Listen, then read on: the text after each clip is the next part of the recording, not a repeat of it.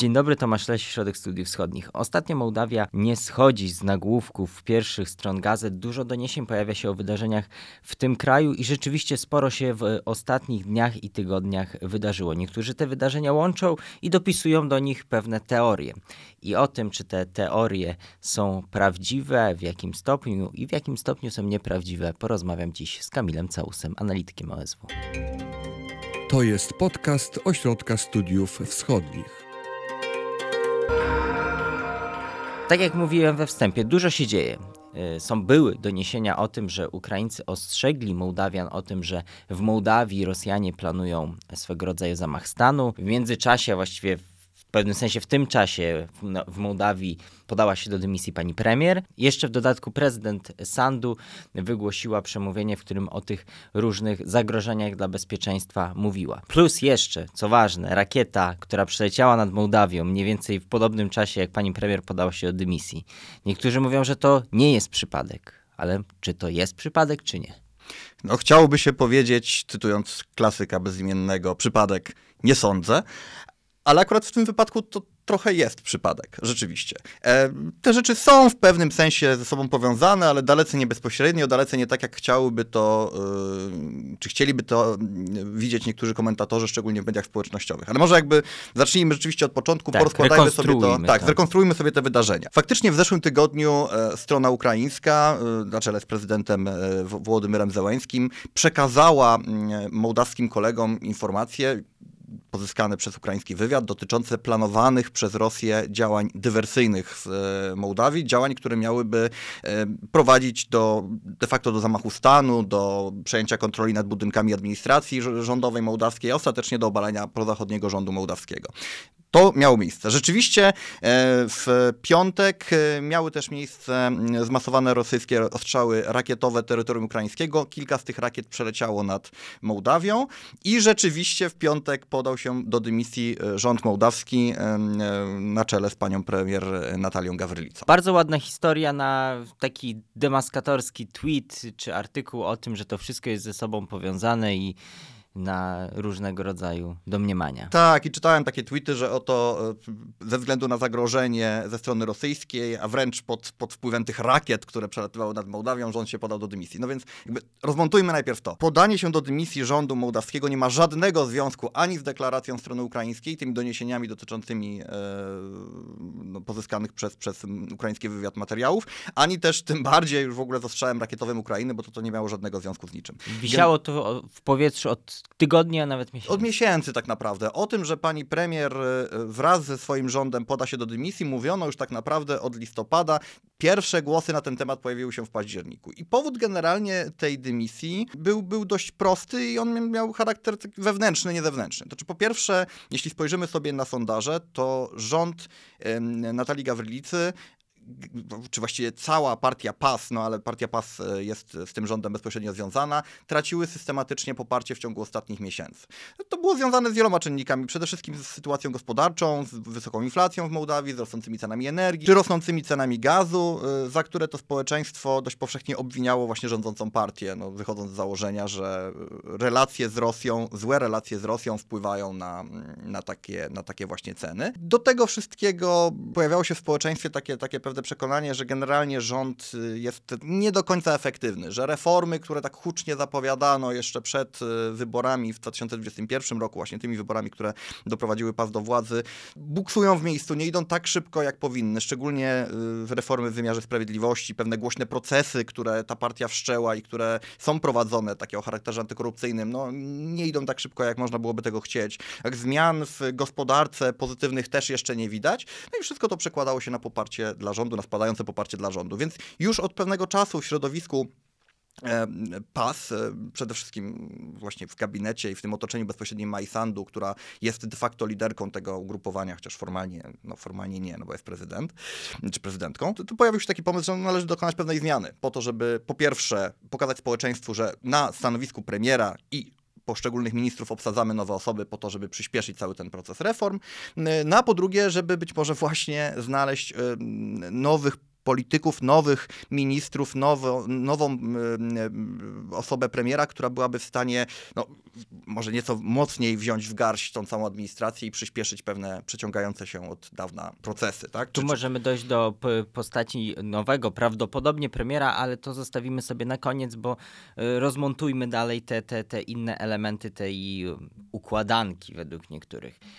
Mówiłeś o tym, że prezydent Zełański ostrzegł zarówno Maję Sandu, jak i układ rządzący szeroko pojęty w Mołdawii, że y, może być, że Rosja planuje jakiś zamach stanu, ale to też nie jest do końca nie mówię tego w sposób lekceważący, ale to też nie jest jakby coś nowego, że Ukraińcy ostrzegają Mołdawian o, o takim zagrożeniu. Niezależnie, nie oceniamy tutaj, czy to zagrożenie jest prawdziwe, czy też nie, ale no, takie ostrzeżenia też już były. Absolutnie. Ukraiński wywiad od, y, myślę, że od początku trwającej wojny y, przekazuje Mołdawii różne informacje i różne ostrzeżenia dotyczące planowanych działań rosyjskich. One najczęściej do tej pory dotyczyły mm, na przykład tego, co Rosjanie robią lub chcą robić w Naddniestrzu, mm, chociażby e, mobilizacja mm, czy, czy też poszukiwanie chętnych do działań, e, do, do, do uczestniczenia w wojnie na, na wschodzie Ukrainy czy też przygotowania lotniska w Naddniestrzu, docelowo prawdopodobnie do, dla, dla, dla potrzeb ewentualnych działań w Mołdawii. Takie informacje się pojawiały i jakby postawmy sprawę od razu jasno. Oczywiście, że istnieje zagrożenie ze strony rosyjskiej dla Mołdawii. No to jest to, to, jest, to jest rzecz jasna. Przynajmniej od początku wojny jest ono dużo większe niż przed wojną. Yy, Zagrożenie rosyjskie istnieje. Czy Rosjanie mają jakieś plany działalności w Mołdawii, do których Ukraińcy mieli dotrzeć? Moim zdaniem oczywiście. To znaczy, to, byłbym zdziwiony głęboko, gdyby Rosjanie nie przygotowali sobie jakichś planów e, działań takich właśnie dywersyjnych, mających na celu przejęcie władzy, obalenie rządu, maj, e, no, rządu pasowskiego, czyli prozachodniej, tak, prozachodniej większości w Mołdawii. To jest oczywiste. Czy to, to, że Rosjanie chcą dokonać zmiany władzy w Mołdawii jest jasne. W Mołdawii działają partie polityczne, które e, mają charakter prorosyjski, które organizują protesty regularnie od, od kilku miesięcy i które mają wedle doniesień dziennikarzy śledczych, czy nawet e, Amerykanów, różnych źródeł amerykańskich, które mają powiązania z Rosją, więc to, to, jest, to jest oczywiste. To jest, to jest jasne, że Rosja chce takie rzeczy zrobić. E, czy e, Rosja planowała, no nie wiem, w przeciągu najbliższego tygodnia czy miesiąca dokonać takiego zamachu stanu? Nie wiem i myślę, że to też nie, nie wynika bezpośrednio z tych dokumentów, które zostały przekazane stronie mołdawskiej przez stronę ukraińską. Myślę, że to był po prostu e, plan, czy zarys planu dotyczący tego, co Rosja mogłaby chcieć robić w e, Mołdawii. Prawdopodobnie bez żadnych konkretnych dat czy danych e, dotyczących tego, kiedy miałoby to zostać przeprowadzone. Także zagrożenie istnieje. Dobrze, że się o nim mówi. Czy to zagrożenie jest jakieś bardzo bliskie? Trudno mi powiedzieć tak naprawdę. I od razu też nie- nie chcę, żeby to było tylko moje słowo. Tego typu nieco uspokajające wypowiedzi już się pojawiły zarówno ze strony Amerykanów, którzy stwierdzili, że już po tej deklaracji, że no, póki co nie widać e, bezpośredniego zagrożenia dla Mołdawii. A Amerykanie, co warto mówić, jak takie zagrożenie jest, to zazwyczaj mówią. Dokładnie, też mam takie wrażenie, że jednak Amerykanie tutaj, jeżeli mają przed czym ostrzegać, to ostrzegają, jeżeli nie mają, to, nie, to, to raczej nie, nie starają się wzbudzać niepotrzebnie em, nerwów.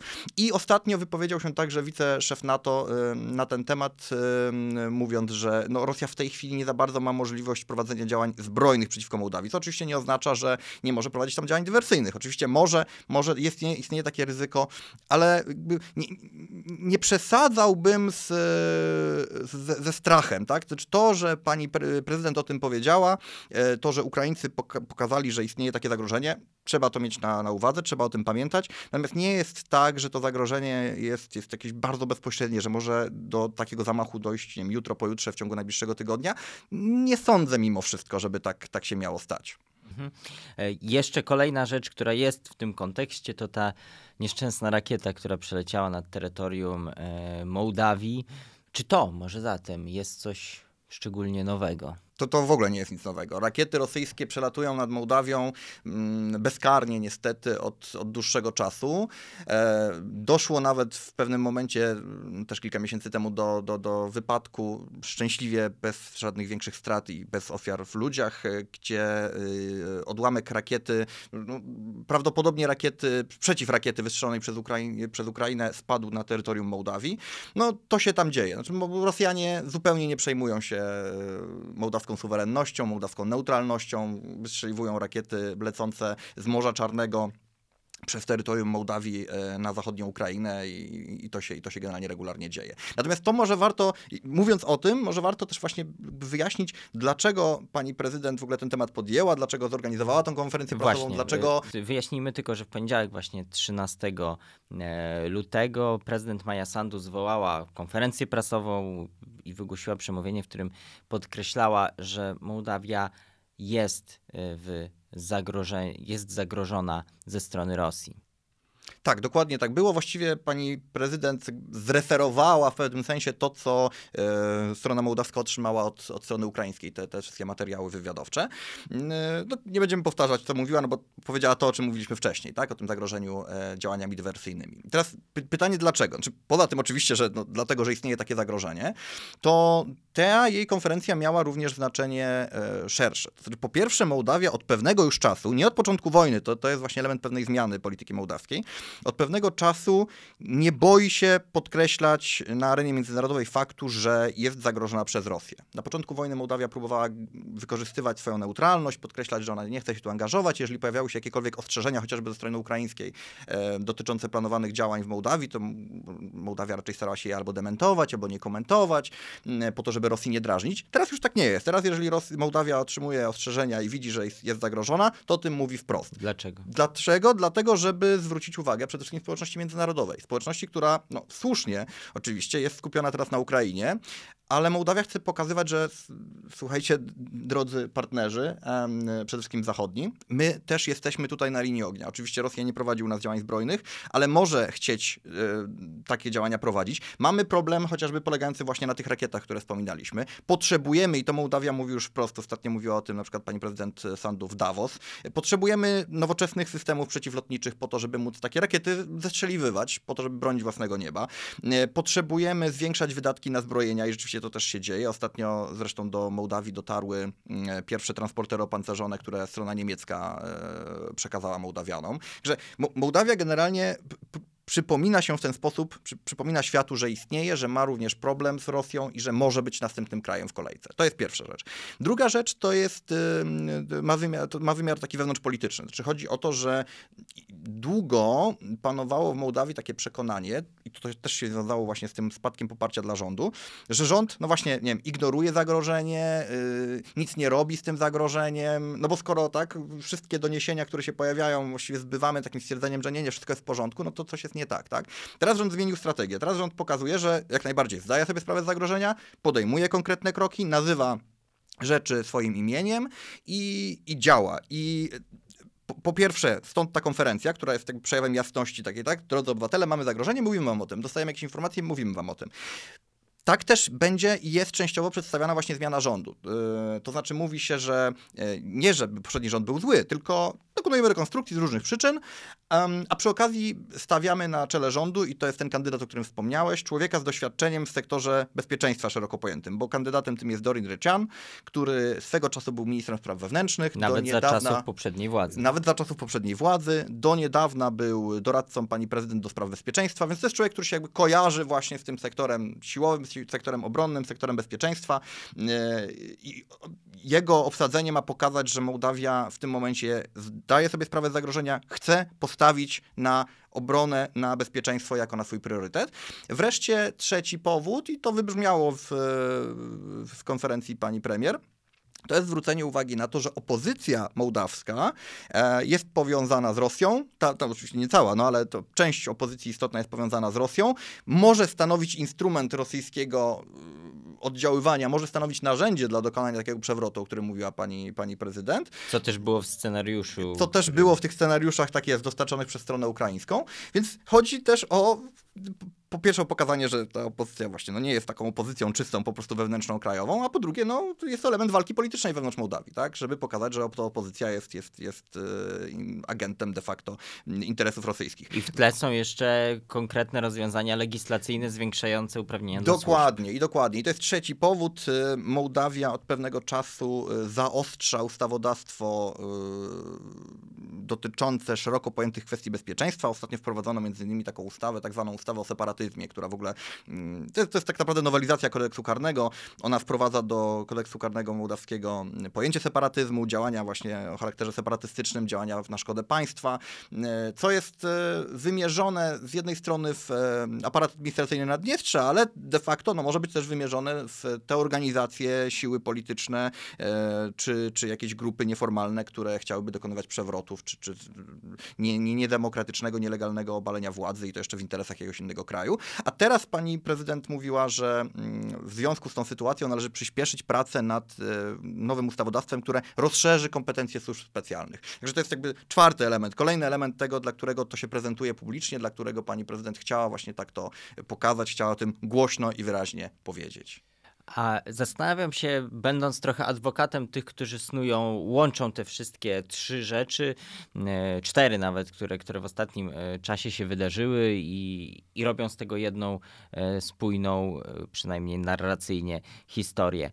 Dlaczego w tym momencie, bo tak jak, ta zmiana premiera, bo tak jak mówisz, no, sytuacja ta, no, nie od dziś wiadomo, że ta zmiana będzie, ale jednak ta decyzja została ogłoszona właśnie w tym kontekście, gdzie też Mołdawia była na nagłówkach, co umówmy się, pomimo tego, że tak jak mówisz, te, te rzeczy się powtarzają z różną częstotliwością, zarówno te rakiety latające nad Mołdawią, ostrzeżenia ukraińskich y, służb, to jest coś, co się dzieje, ale jednak ta dymisja miała miejsce w momencie, w którym właśnie na, Mołdawia była na, na tych nagłówkach. Czy to jest jakiś taki jednak dosyć nieszczęśliwy moment, w którym którym to zostało zrobione. Tak, mam wrażenie, czy tak, takie w ogóle były komentarze na samym początku, że moment nie jest zbyt szczęśliwy, że tu pani premier wraca ze szczytu w Brukseli, bo tak to rzeczywiście wyglądało. I to taka generalnie w glorii chwały, no bo Mołdawia była tam chwalona za mm, swoje dotychczasowe osiągnięcia, a tu nagle dymisja, zmieniamy rząd i to właściwie takie trochę nietypowe. Faktycznie, no, moment był dość, dość specyficzny, ale tak jak mówię, to dojrzewało od dłuższego czasu. Dojrzewały też pewne napięcia między panią prezydent i panią premier, e, gdzie po prostu pani premier była oskarżana o to, że nie radzi sobie z reformami, nie radzi sobie z zarządzaniem aparatem po to, ta, tak, żeby on był wystarczająco wydajny. E, I no wiemy skądinąd, że, że to było dla niej coraz, coraz cięższe, coraz, coraz bardziej mm, męczące, mm, coraz bardziej frustrowało ją tak naprawdę, no bo ona wychodziła też z założenia poniekąd słusznego, że to nie do końca jest jej wina tak naprawdę, że tak to, tak to działa i tak to, się, tak to się dzieje. I że reformy na przykład w wymiarze sprawiedliwości buksują, bo to jest wina e, wielu osób w aparacie administracji, w sądownictwie mołdawskim, a nie tylko jednej, jednej takiej postaci. E, Także y, no mogło być, teoretycznie mogło być tak, że y, pani prezydent doszła do wniosku, że to jest o tyle dobry moment, że skoro e, pod, zaczęły być podnoszone wątki bezpieczeństwa, no to może się teraz obsadzimy właśnie na stanowisku premiera człowieka kojarzonego z bezpieczeństwem, to przynajmniej będzie się to ładnie kojarzyło, albo może, może w jakiś sposób przykryje te, te wydarzenia. Trudno powiedzieć tak naprawdę, kto ostatecznie też podjął decyzję. Czy to nie było tak, że pani, pani premier przyjechała z tego szczytu i powiedziała, że już ma dość, że... Może też dla niej to był dobry moment, żeby zrezygnować, no bo Bruk Brukseli, tak jak mówisz, Mołdawia była chwalona, więc... Tak, tak naprawdę generalnie wygląda to wszystko całkiem nieźle. Znaczy skądinąd wiemy też, że nie chodziło o samą panią premier, że było kilka postaci w rządzie, które chciano wymienić ze względów wizerunkowych. Na przykład pana wicepremiera i ministra infrastruktury, pana, pana Andrzeja Spynu, który e, kontrolował największe ministerstwo, właśnie to dotyczące infrastruktury, odpowiadał za chociażby kontrakty energetyczne, kontrakt z Gazpromem, niedawny kontrakt e, na energię elektryczną z Naddniestrzem i jego e, wizerunek był wieloznaczny. To znaczy wiele osób poskarżało go o to, że ten kontrakt z Gazpromem to taki mało korzystny dla Mołdawii, że mało przejrzysty, że w ogóle kontrakt z Naddniestrzem no to skandal, no bo przecież jak to tak kupuje kupujemy znowu energię elektryczną separatystów.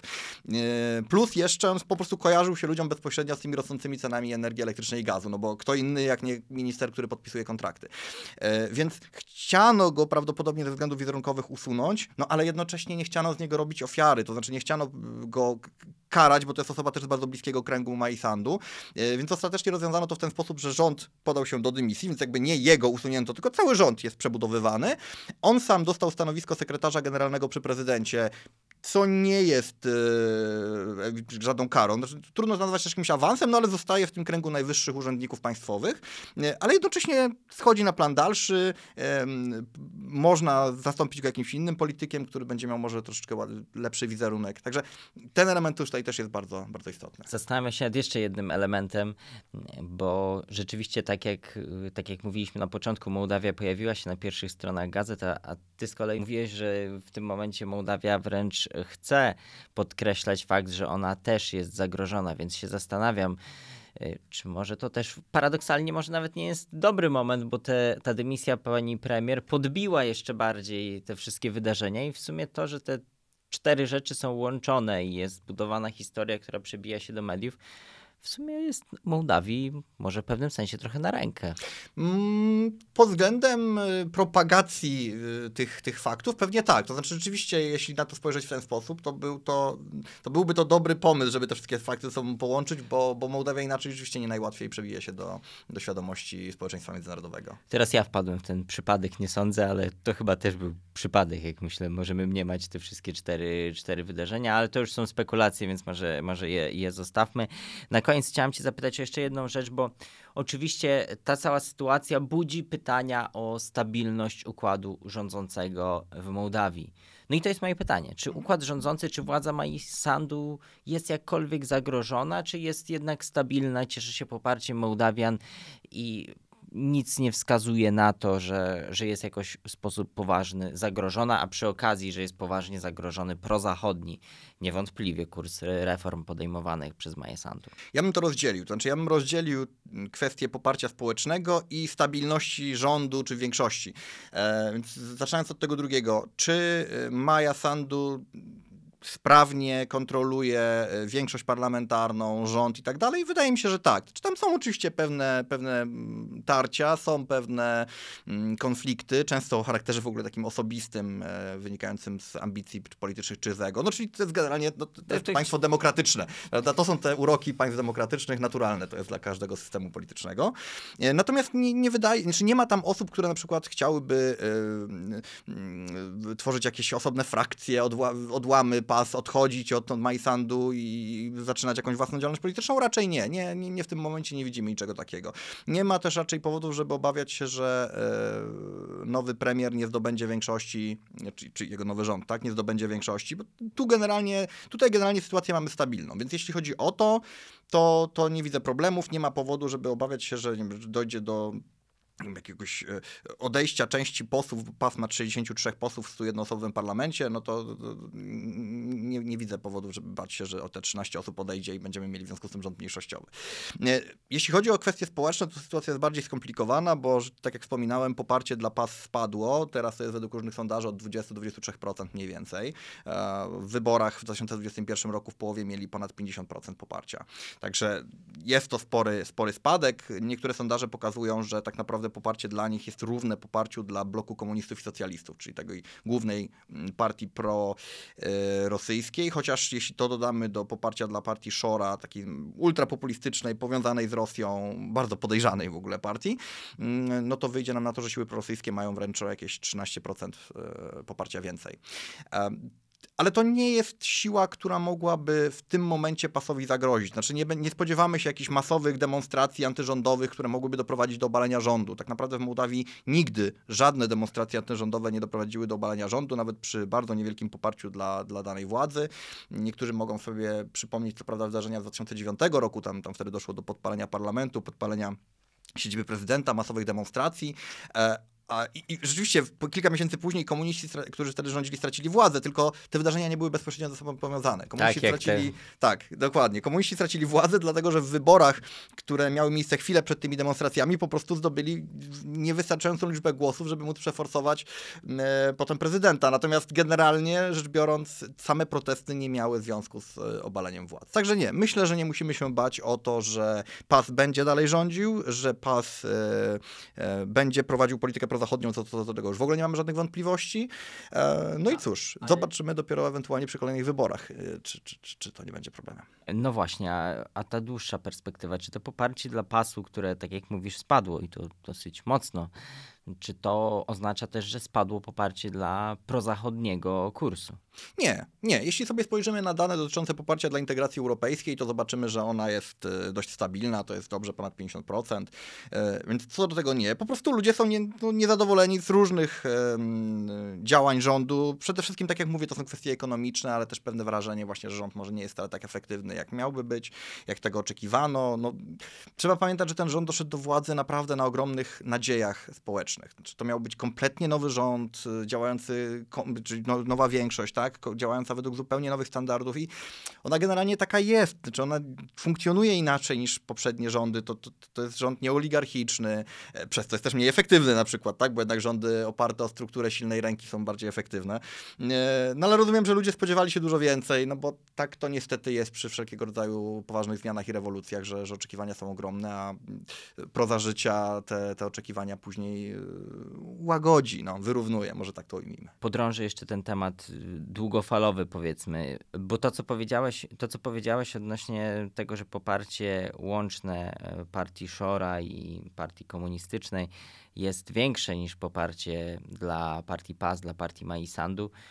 e, Czy to cię niepokoi właśnie w dłuższej perspektywie? Czy w dłuższej perspektywie to jest coś, mm, co jest jakimś poważnym zagrożeniem dla prozachodniego kursu reform? Bo rzadko się zdarza, żeby partia rządząca po zaliczeniu takiego spadku potem się tak mocno odbiła, bo z tego co mówisz, to mówimy o, nie o jednym punkcie procentowym, nie o dwóch, a raczej tak już to idzie powyżej dziesięciu.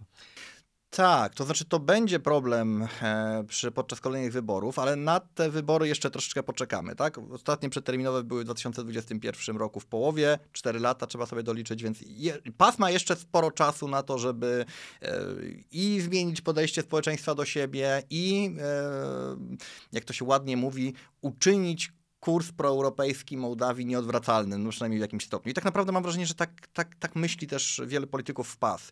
Znaczy, te zmiany, które oni wprowadzają są na tyle duże, e, że właściwie od początku było jasne, że im będzie ciężko utrzymać władzę w kolejnych wyborach. To bardzo często tak jest. Jeżeli partia nowa dochodzi do władzy, demontuje stary system, e, wprowadza poważne reformy, to najczęściej traci poparcie społeczne z różnych przyczyn. E, ważne jest teraz, aby jak najwięcej rzeczy zrobić w tym czasie, który PAS ma i PAS ma takie poczucie. Co będzie później, zobaczymy. Bardzo możliwe, że pojawi się jakaś nowa siła polityczna o tym profilu prozachodnim, która zdoła zgarnąć elektorat który jest zainteresowany jednak mimo wszystko integracją europejską, a już nie ufa PAS. Zresztą jest takie ugrupowanie już teraz, chociażby jest, jest e, partia Platforma Godność i Prawda, czyli partia DA, która swego czasu była w ogóle w koalicji z PASem. E, ona ma teraz niewielkie poparcie, no ale właśnie pozycjonuje się jako taka prawicowa, proeuropejska opozycja, jako recenzent, komentator i krytyk działań PASu, ale jak najbardziej w duchu proeuropejskim. Także ja bym się nie bał, to czy mamy jeszcze sporo czasu, zobaczymy jak to będzie wyglądało, ale sądzę, że e, partie proeuropejskie mają na tyle duże poparcie ogólnie, że jeśli pojawi się jakaś siła, która będzie w stanie mm, zdobyć zaufanie, które PAS utracił, to, to da się jakoś przejść, tworzyć później koalicję. Pewnie nie będzie to już rząd większościowy taki jak ten, który mamy teraz, ale umówmy się, w ogóle to nie jest proste. Znaczy, zdobycie większości bezwzględnej to jest, to jest rzadki luksus w państwach demokratycznych. W Mołdawii ultra rzadki, właściwie to się prawie nie zdarzało wcześniej. E, więc myślę, że tak będzie to wyglądało. Więc jak rozumiem, puentę mamy jednak mimo wszystko dosyć optymistyczną, więc na tym zakończę, bo to rzadko się zdarza w naszych podcastach, że jednak puenta jest optymistyczna w takich trudnych czasach. E, więc na tym postawimy kropkę na dzisiaj. Ja zapraszam Państwa do naszego, na nasz kanał na YouTube, nasz główny kanał. E, tam pojawiają się kolejne filmy, także do, do obserwowania nas jako podcast właśnie na, na Spotify czy na innych platformach e, podcastowych, w których Państwo nas słuchacie. Wchodzimy już teraz e, powoli w ten czas e, podsumowań związanych z rokiem od rozpoczęcia tej nowej fazy wojny na Ukrainie od 24 lutego i my już będziemy już nawet w tym tygodniu publikować pierwsze materiały podsumowujące. Będzie, będzie ich sporo. Chcemy spojrzeć e, zarówno na te wydarzenia, które miały miejsce z pewnej perspektywy, opowiedzieć o pewnych różnych rzeczach, których się w ciągu tego roku dowiedzieliśmy, ale także oczywiście będziemy patrzeć w przyszłość. Będziemy także komentować to, co będzie się działo, bo w przyszłym tygodniu niewątpliwie dziać się będzie, chociażby już wiemy o tym, że będzie przemówienie Władimira Putina. Także będziemy to wszystko komentować, więc zapraszamy na nasze wszystkie, e, wszystkie formy przekazu, zarówno na YouTube, podcasty, jak i na stronę osw.waw.pl. Dziękuję Dzięki. i do usłyszenia w kolejnych odcinkach. Wysłuchali Państwo podcastu Ośrodka Studiów Wschodnich. Więcej nagrań można znaleźć na stronie www.osw.waw.pl.